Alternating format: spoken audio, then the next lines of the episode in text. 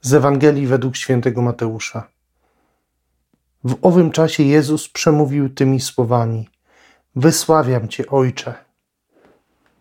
Szczęść Boże, kochani, witajcie bardzo serdecznie. Dzisiaj będzie o uwielbieniu. Zapraszam Was na czołówkę.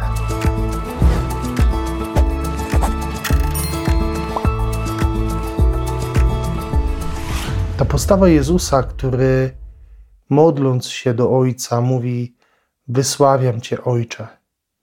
Z jednej strony pokazuje nam relację Jezusa do Boga Ojca, że jest to relacja tata, syn, ale z drugiej strony ta bardzo bliska relacja, taka relacja nawet, rzekłbym, intymna, y, wcale nie przeszkadza w takiej postawie Jezusa, kiedy on staje i jest pełen uwielbienia wobec Ojca, pełen wysławiania, pełen sławy dla Niego.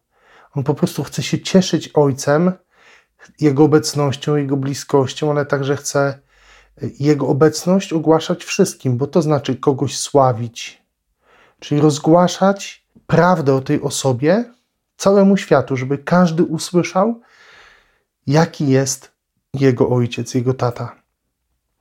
Kochani, czy w nas jest taka postawa? Myślę, że to jest bardzo ważne pytanie, które warto sobie zadać.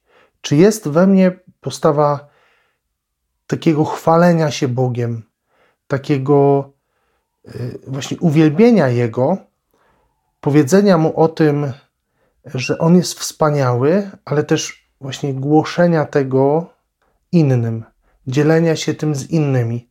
Bo otóż zobaczcie, że nie wystarczy tylko tak w sobie w środku tego doświadczać.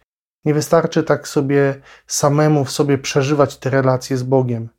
Tylko to jest, ja już tu kiedyś opowiadałem ten przykład, to jest jak z człowiekiem zakochanym. Jeśli on naprawdę tak w sercu czuje się kochany, czuje się zakochany, to chciałby obwieścić to całemu światu. Jakby nie ogranicza się e, za bardzo. W ogóle wszelkie mechanizmy obronne gdzieś tam e, uciekają, zamykają się, nikną, bo to jest najważniejsze. Czasem my, chrześcijanie, boimy się, że kiedy będziemy głosić Boga, kiedy będziemy sławić Go, sławić Jego wielkość, to nagle się okaże, że możemy kogoś zgorszyć. Jeśli tak czujesz w sercu, to wcale cię to nie zwalnia z wysławiania Go, z uwielbiania Go, tylko zaprasza cię Bóg do tego, żebyś to robił w mądry sposób, nie w głupi sposób, tylko taki, który będzie prawdziwy, będzie wynikający z tego, co jest w Twoim sercu, wynikający z tej bardzo bliskiej relacji z tatą. Kochani, życzę Wam takiego serca, które będzie chciało, będzie potrafiło mądrze oddawać cześć tacie, Bogu Ojcu.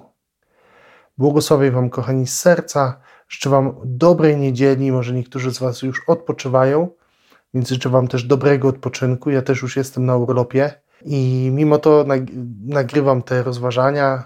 Staram się nagrać je przed urlopem, żeby tak na spokojnie sobie też móc odpocząć ale też, żeby Was nie zostawić, żeby też dzielić się Słowem Bożym, żeby siać to Słowo Boże dalej w Waszych sercach. Także trzymajcie się dzielnie, do zobaczenia i do usłyszenia już wkrótce z Panem Bogiem.